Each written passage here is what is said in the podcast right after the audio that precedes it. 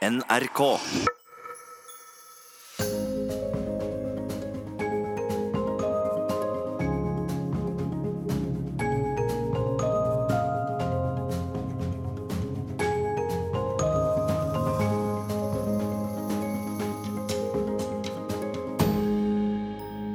Jeg er fem år og går sammen med mormor for å hente kildevann fra en hemmelig kilde hun har funnet. Kildevann er ekstra rikt på mineraler og gir god helse, sier mormor. Jeg visste vel verken hva mineraler eller helse var i den alderen, men disse turene med mormor betydde mye for meg. Mer enn jeg kunne ane den gang. Hun holdt meg alltid i hånden på disse turene, og den dag i dag kan jeg kjenne mormors myke, men tynne og rynkete hånd holde rundt min. Det var trygghet i mormors hender. Trygghet som åpna for undring i meg. Vi rusla av gårde med hvert vårt blikkspann, mormor med et stort og jeg med et lite. Mens vi vandrer gjennom skogen, så åpner dører inn i mysterier for meg ved å lære meg å stille spørsmål. Spørsmål om Gud, om menneskelivet, om de store sammenhenger. Og hun forteller meg at vi er her for å støtte hverandre og for på ulike måter å reise hverandre opp. Mormor viste meg en verden som ikke kan sees eller måles, en verden bortenfor denne verden, og hun tok meg til kilden bakenfor alle kilder. Mormor var hva man i folketradisjonen gjerne kaller en, en klok kone. Hun var den folk kom til når de var syke, når legene ikke kunne hjelpe. Hun kokte urter, hun leste tyske bøker om homopati og kosthold. Og da jeg som barn fikk ørebetennelse og hoste, så kom mormor med sine urter og med all sin kjærlighet. Jeg heter Silje Try Mathiassen. Jeg er dialogprest ved Kirkelig dialogsenter i Stavanger, og i mitt jul i P2 vil jeg fortelle dere om min åndelige vandring gjennom livet, på jakt etter mormors kilde. Med engler, meditasjon, kornsirkler og en stemme fra oven som forandra alt. Kort tid etter at jeg var ordinert prest, ringte en journalist til meg og spurte om jeg virkelig var kristen. Hvordan kan han spørre om noe sånt, tenkte jeg. Jeg forretter gudstjenester, vielser og begravelser for Den norske kirke, og så spør han om jeg er kristen. Kanskje ikke så rart likevel, for jeg starter hver morgen med en bønn og en kort meditasjon. Etterpå hilser jeg solen og dagen velkommen ved å gjøre yoga barbeint ute i gresset. Jeg leser hinduismens upanishader, buddhistiske tekster og Bibelen. Jeg vier kristne og muslimer og leser tekster fra både Bibelen og Koranen. Jeg leder meditative gudstjenester der prekenen er i form av dialog med mennesker som ikke er kristne. Jeg har òg helt ordinære høymesser, vielser og begravelser. Men som dialogprest forsøker jeg å bygge broer mellom mennesker som har ulik tro og livssyn. Jeg har ikke alltid vært prest. I min åndelige vandring gjennom livet har jeg møtt mange såkalte opplyste mestere, østlige og vestlige guruer, og jeg har funnet både gull og gråstein i de mange religioner og livssyn jeg har blitt kjent med, og jeg bærer preg av det jeg har funnet der. Hvordan begynte denne vandringen min? Hvorfor har jeg en sånn åndelig lengsel dypt, dypt inni meg? Kanskje er det en slags tørst? En salig tørst etter den kilden mormor forsøkte å vise meg som barn? Allerede som niåring visste jeg hva jeg ville arbeide med. Mens de andre i klassen ville bli frisører eller lærere, skrev jeg om homopati som yrkesvalg, og fikk stilen tilbake med store røde streker i margen. Ø og O kan ikke stå ved siden av hverandre. Joho, det kan det det, så, svarte jeg. Det står skrevet sånn i alle mormor sine bøker. Så jeg studerte soneterapi, urter, homopati og akupunktur.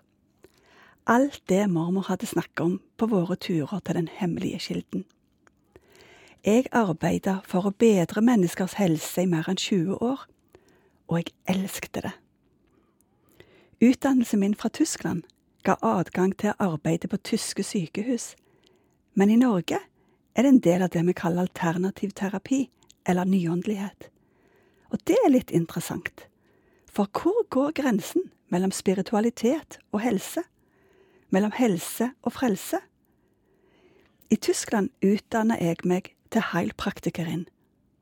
Heilen på tysk betyr både å helbrede og å frelse. Og vi finner det samme på latin, der salus betyr både helse og frelse.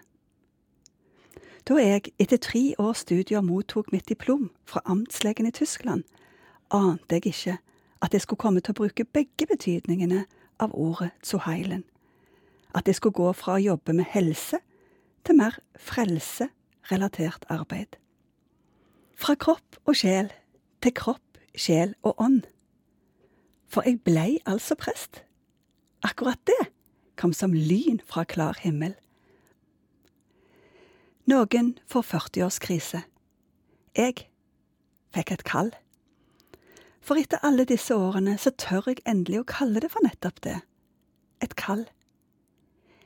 Jeg ligger fredfullt og mediterer i hengekøyen en deilig sensommerdag på Sørlandet.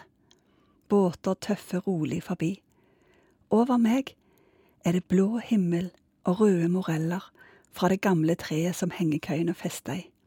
Og livet Livet er deilig. Men plutselig, mens jeg ligger der i hengekøyen, er det som om noen snakker til meg. Du skal studere teologi. Jeg setter meg opp i hengekøyen, ser meg rundt, men det er jo ingen der. Jeg legger meg ned igjen. Du skal studere teologi, hører jeg nok en gang. Nei, aldri i livet om jeg skal, tenker jeg. Jeg står opp og plukker noen moreller, går ned til brygga og sitter og dingler med beina i vannet. Jeg synes det hele var så merkelig. Ordene jeg har hørt, vil liksom ikke slippe taket i meg. Igjen går jeg bort til hengekøyen. Jeg legger meg ned, puster dypt tre ganger, og etter en stund stiller jeg spørsmålet. Hva vil du jeg skal bruke livet mitt til, Gud? Og umiddelbart kommer det for tredje gang. Du skal studere teologi. Jeg kan ikke tro det er sant. Jeg vil ikke. Jeg kan ikke tro at Gud vil at jeg skal bruke år av livet mitt på dette. Alt i meg protesterte. Jeg likte ikke prester. Jeg gikk nesten aldri i kirken. Men tre ganger sa altså Gud til meg at det var dette jeg skulle gjøre. For jeg kan ikke forstå ordene som noe annet enn Guds tale til meg. Jeg ser opp fra hengekøyen, går inn i hytten og sier til mannen min. Ferien er over. Jeg skal hjem og bli prest. Han ser på meg og sier, du er gal. Men jeg elsker deg, og jeg støtter deg. Vi pakker, drar til Stavanger og jeg begynner mine studier på Misjonshøgskolen tre dager etter. Jeg er ganske så sur på Gud når jeg trasker opp trappene for å studere hebraisk. Jeg synes det er uforståelig, og dessuten bortkasta tid. Men jeg gjennomførte de seks studieårene med teologi. Til deg som nå sitter og lytter til dette, og som kanskje rister på hodet og tenker at denne dama må være helt skrullete. Til deg vil jeg si, jeg forstår deg. Det hadde sikkert jeg òg tenkt. Men min opplevelse er ikke mindre virkelig av den grunn. Jeg har aldri opplevd dette, verken før eller siden. Hvordan skal vi da forstå det? Hvem går man til for å få hjelp til å tolke noe sånt? Til presten eller psykologen? Selv oppsøkte jeg begge. Min søster er psykolog, og jeg ringte til henne og fortalte hva jeg hadde opplevd. Hun var overhodet ikke bekymra for min psykiske helse. Deretter gikk jeg bort til presten i den lille sørlandsbygda og fortalte det samme til ham. Han klemte meg og sa, Men Silje, du har fått et kall fra Gud, og det er jo fantastisk.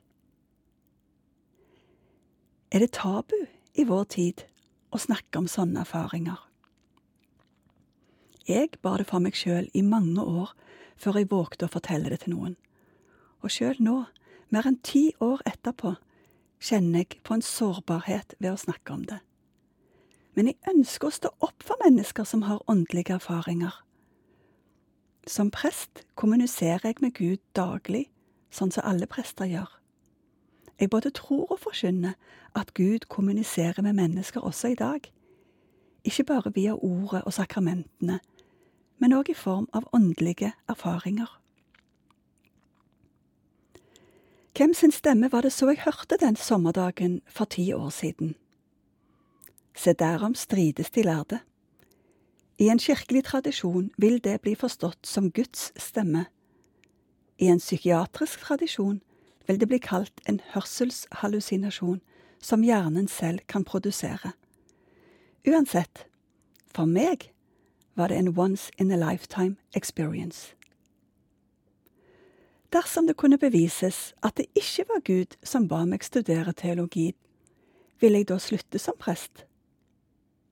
Nei, for enten det var en innbilning eller en intuitiv innskytelse eller bare en tanke, så er det å være prest blitt det mest meningsfulle yrket jeg kan tenke meg.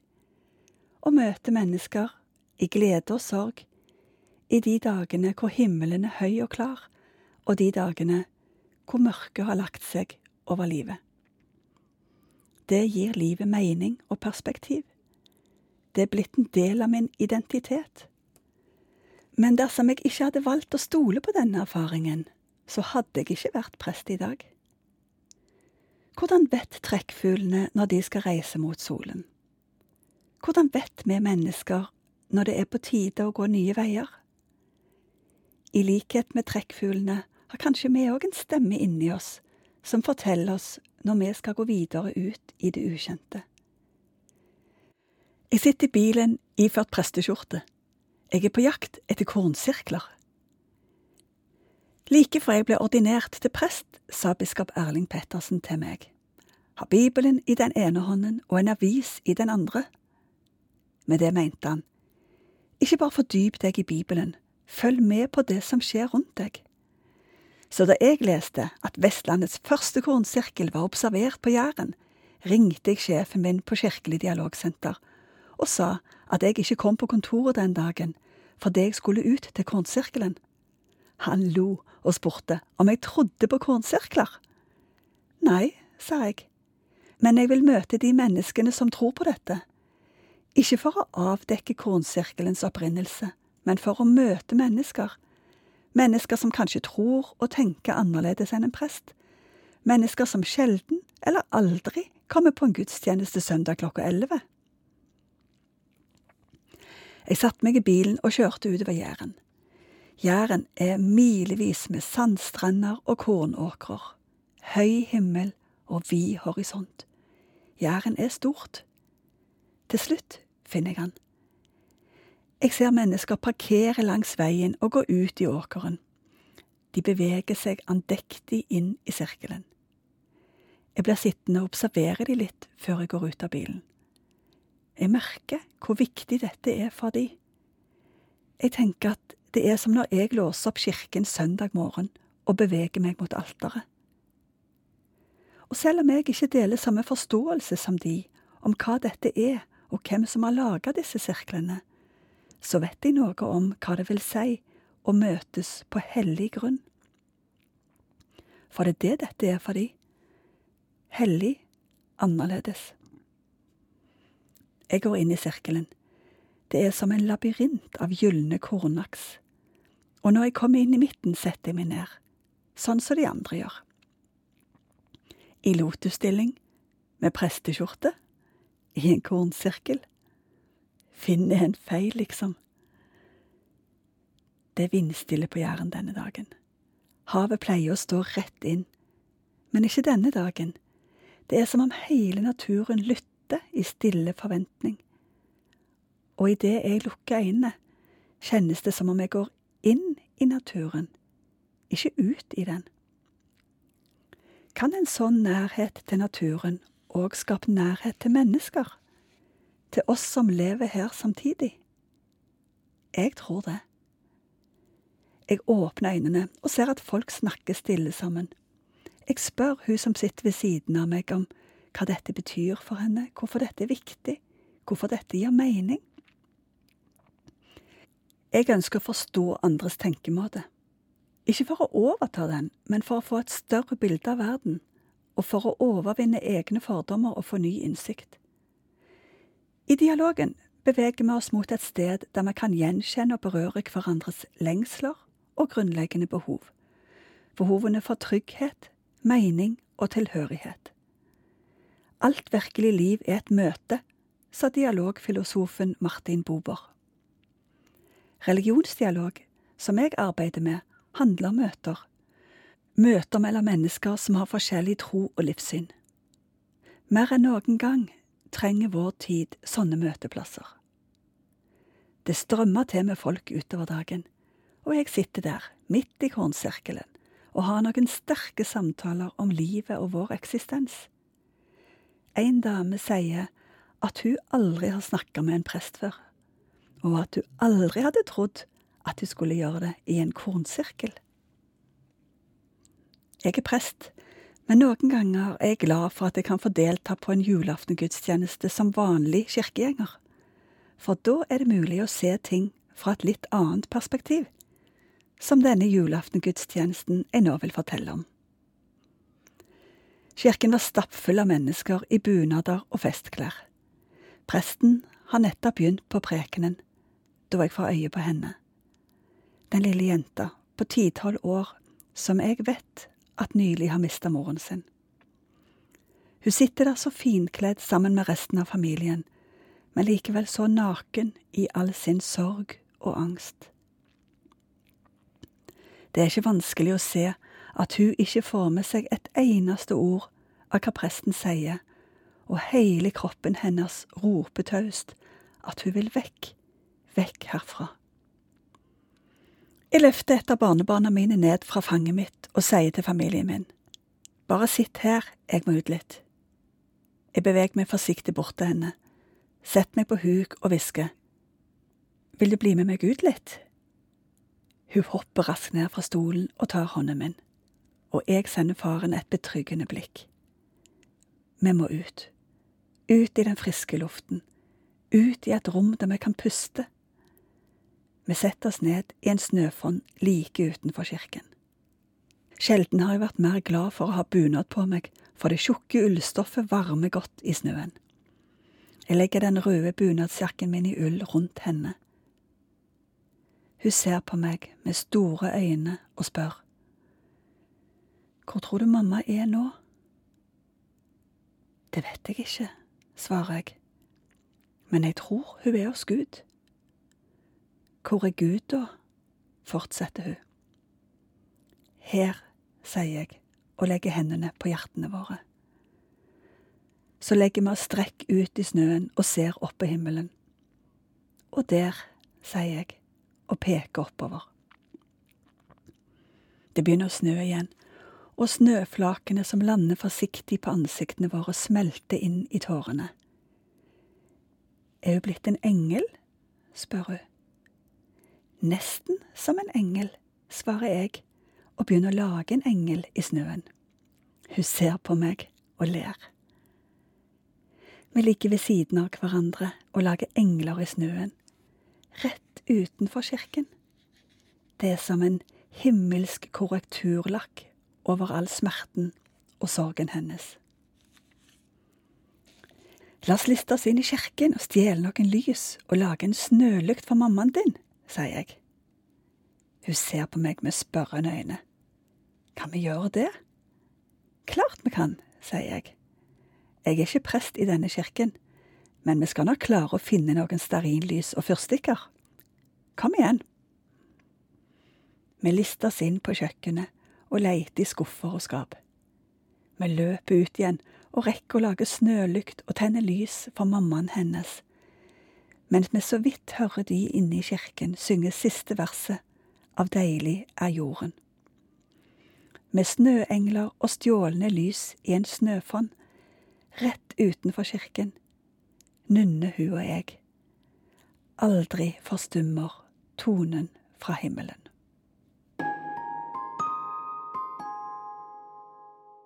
Det er noe med meg og engler.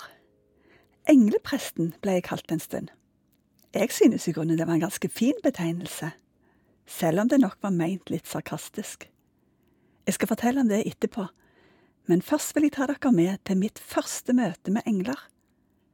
Eller ikke møte med engler, men første gang jeg var en engel. På juleavslutning i første klasse. Alle rollene var fordelt i god tid på forhånd. Jeg hadde fått en ganske liten rolle, heldigvis, for den Silje som gikk på barneskolen, var en ganske annen Silje enn den jeg er nå. Den gang var jeg høy, tynn, hadde langt, lyst hår og var veldig sjenert. Nå er jeg høy og ja, ikke så mye av de andre tingene der akkurat. Jeg vet ikke, men jeg tror det må ha vært de lange, lyse korketrekkerkrøllene mine som kvalifiserte meg til å bli sjefsengel. Jeg grudde livet av meg. Snille frøken, ba jeg, kan jeg heller få være eselet så jeg slipper å si noe? Ikke tale om, hvis det er noen som skal være engel, så er det du, sa hun strengt og plasserte arket med teksten jeg skulle se i hånda min. Det var det kanskje litt drøyt å kalle det et ark. En liten, smal papirstrimle med to setninger. Men for meg kjentes det som et langt manuskript. Så er dagen her. Juleavslutning. Klasserommet lukter pepperkaker, mandariner, kaffe og julebrus. Det er dugg på vindusrutene, for det er så dampende fullt av foreldre og søsken som gleder seg til å se på forestillingen. Den gang var det ikke sånn at det var noe spenning knytta til hva forestillingen skulle handle om. Alle visste at det var Jesu fødsel vi skulle få oppleve. Det var ingen diskusjon om den saken. Josef og Maria og eselet, heldiggrisen, og de vise menn, og hyrdene og englene. Vi venter på gangen, og frøken sender oss inn etter hvert som vi skal inn på scenen. Snart er det min tur. Tanten min hadde laga den nydeligste englekjole jeg noensinne har sett. Den er hvit, med bitte små sølvfarga paljetter strødd over hele kjolen, lag på lag med tull under, og vingene er laga av hvit visselin. Jeg har juletreglitter i håret, som en glorie, men jeg gruer meg sånn at jeg har vondt i magen. Nå, sier frøken og gir meg en dytt i ryggen. Fly inn! Jeg flyr inn så godt jeg kan og stiller meg foran tavlen, som er forvandla til en stjernehimmel for anledningen. I Øystein Sunde-tempo proklamerer jeg. Ære være Gud i det høyeste og fred på jorden blant mennesker som har Guds velbehag. Jeg klarte det, jeg klarte det, tenkte jeg, idet jeg setter meg ned sammen med hyrdene og jeg er så glad, så glad for at jeg er ferdig, og at jeg aldri mer skal behøve å si de vanskelige ordene høyt mer. Min første Gloria-framføring. Lite ante jeg den gang at jeg skulle komme til å messe de ordene med den største glede i kirker hver søndag mange, mange år seinere. Som sagt, jeg tror jeg fikk englerollen på grunn av de lange, lyse krøllene mine. For det er liksom et sånt bilde jeg har av engler. Det var sånn bildene vi fikk på søndagsskolen var. Snille, milde, omsorgsfulle engler som passa på at vi ikke falt utfor stup, eller beskytta oss når vi gikk over falleferdige bruer. Sånne englebilder vokste vel de fleste i min generasjon opp med. Ikke rart at det ble oppstandelse, da selveste kongsdatteren starta engleskole og ga oss nye bilder. På den tiden var jeg student på teologistudiet. Jeg kontakta prinsessen og inviterte de til å holde kurs her i Stavanger, for jeg ville vite hva det var folk lo av, og jeg ville vite hvorfor dette ga mening for henne og for så mange andre. Det ble mye medieoppmerksomhet rundt dette kurset, og det var etter dette at det ble kalt for englepresten. Men uansett, jeg deltok på kurset på lik linje med alle de andre. Den tredje dagen på kurset skal vi endelig få møte vår skytsengel, ved hjelp av meditasjon. Jeg setter meg ned, følger instruksene, puster dypt.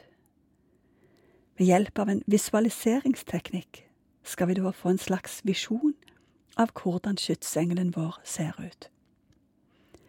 Himmel og hav, ja, det var det stedet het der kurset ble holdt. Men himmel og hav for en skytsengel.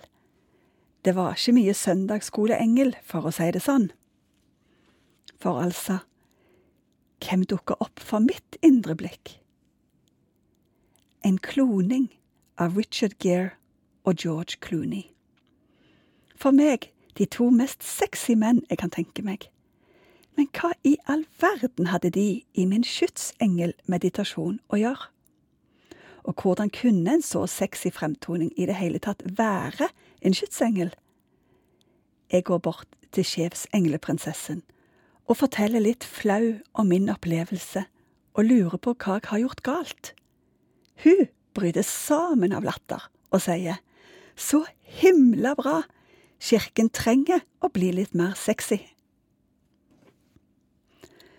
Min aller første begravelse hadde jeg for mor.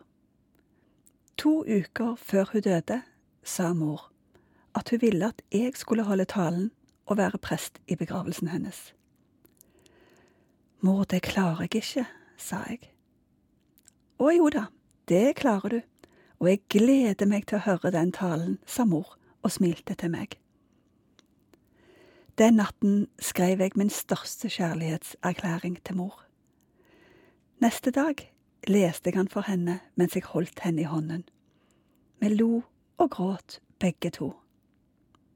Det var så fint å få gi mor minnetalen mens hun levde, i tillegg til i begravelsen som jeg jo forretta. Nå har jeg hatt mer enn hundre begravelser, og jeg tenker ofte la oss fortelle hvor glad vi er i hverandre mens vi lever.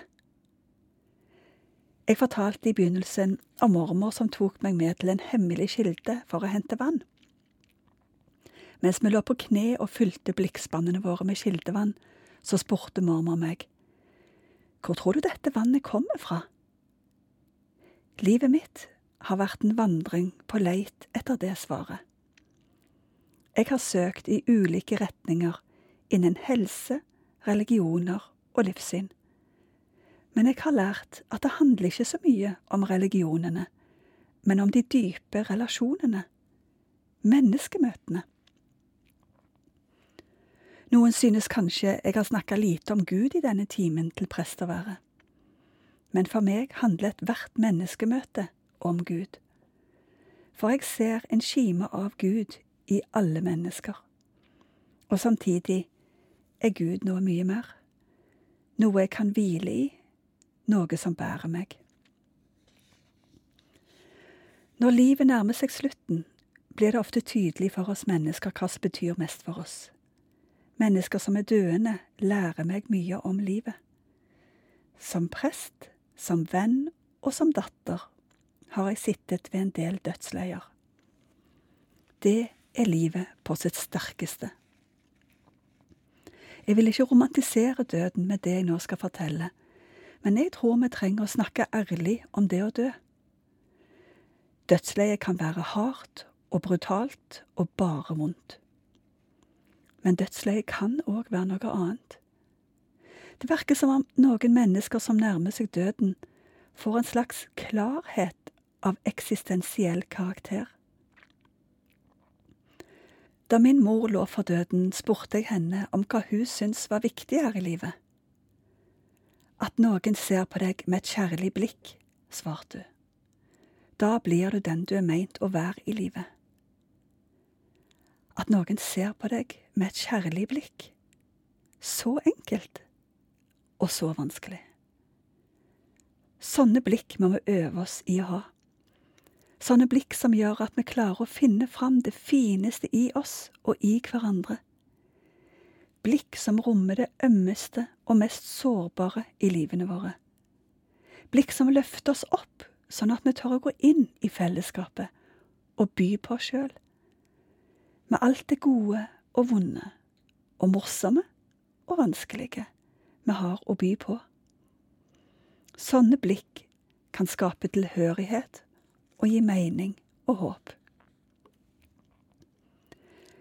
Like før mor døde, så åpna hun øynene, og hun så på far og søstrene mine og meg med et blikk jeg aldri vil glemme. Det var et blikk fullt av kjærlighet og forsoning med det som skulle skje. Guddommelig kjærlighet. Og jeg tenkte, nå har jeg sett det blikket som Gud ser meg med. Det blikket som bekrefter min verdighet, som gir tilhørighet, og som bærer alt. Jeg tror at mor i det øyeblikket var i kontakt med kilden bakenfor alle kilder, og at jeg endelig fikk svar på hvor kildevannet kommer fra.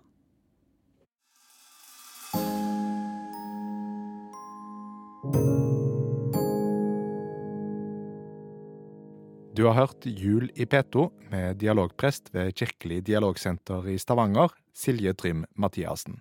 Produsent og teknisk ansvarlig var Jostein Gjertsen. Full versjon av programmet med musikk finner du på NRK Radio. NRK.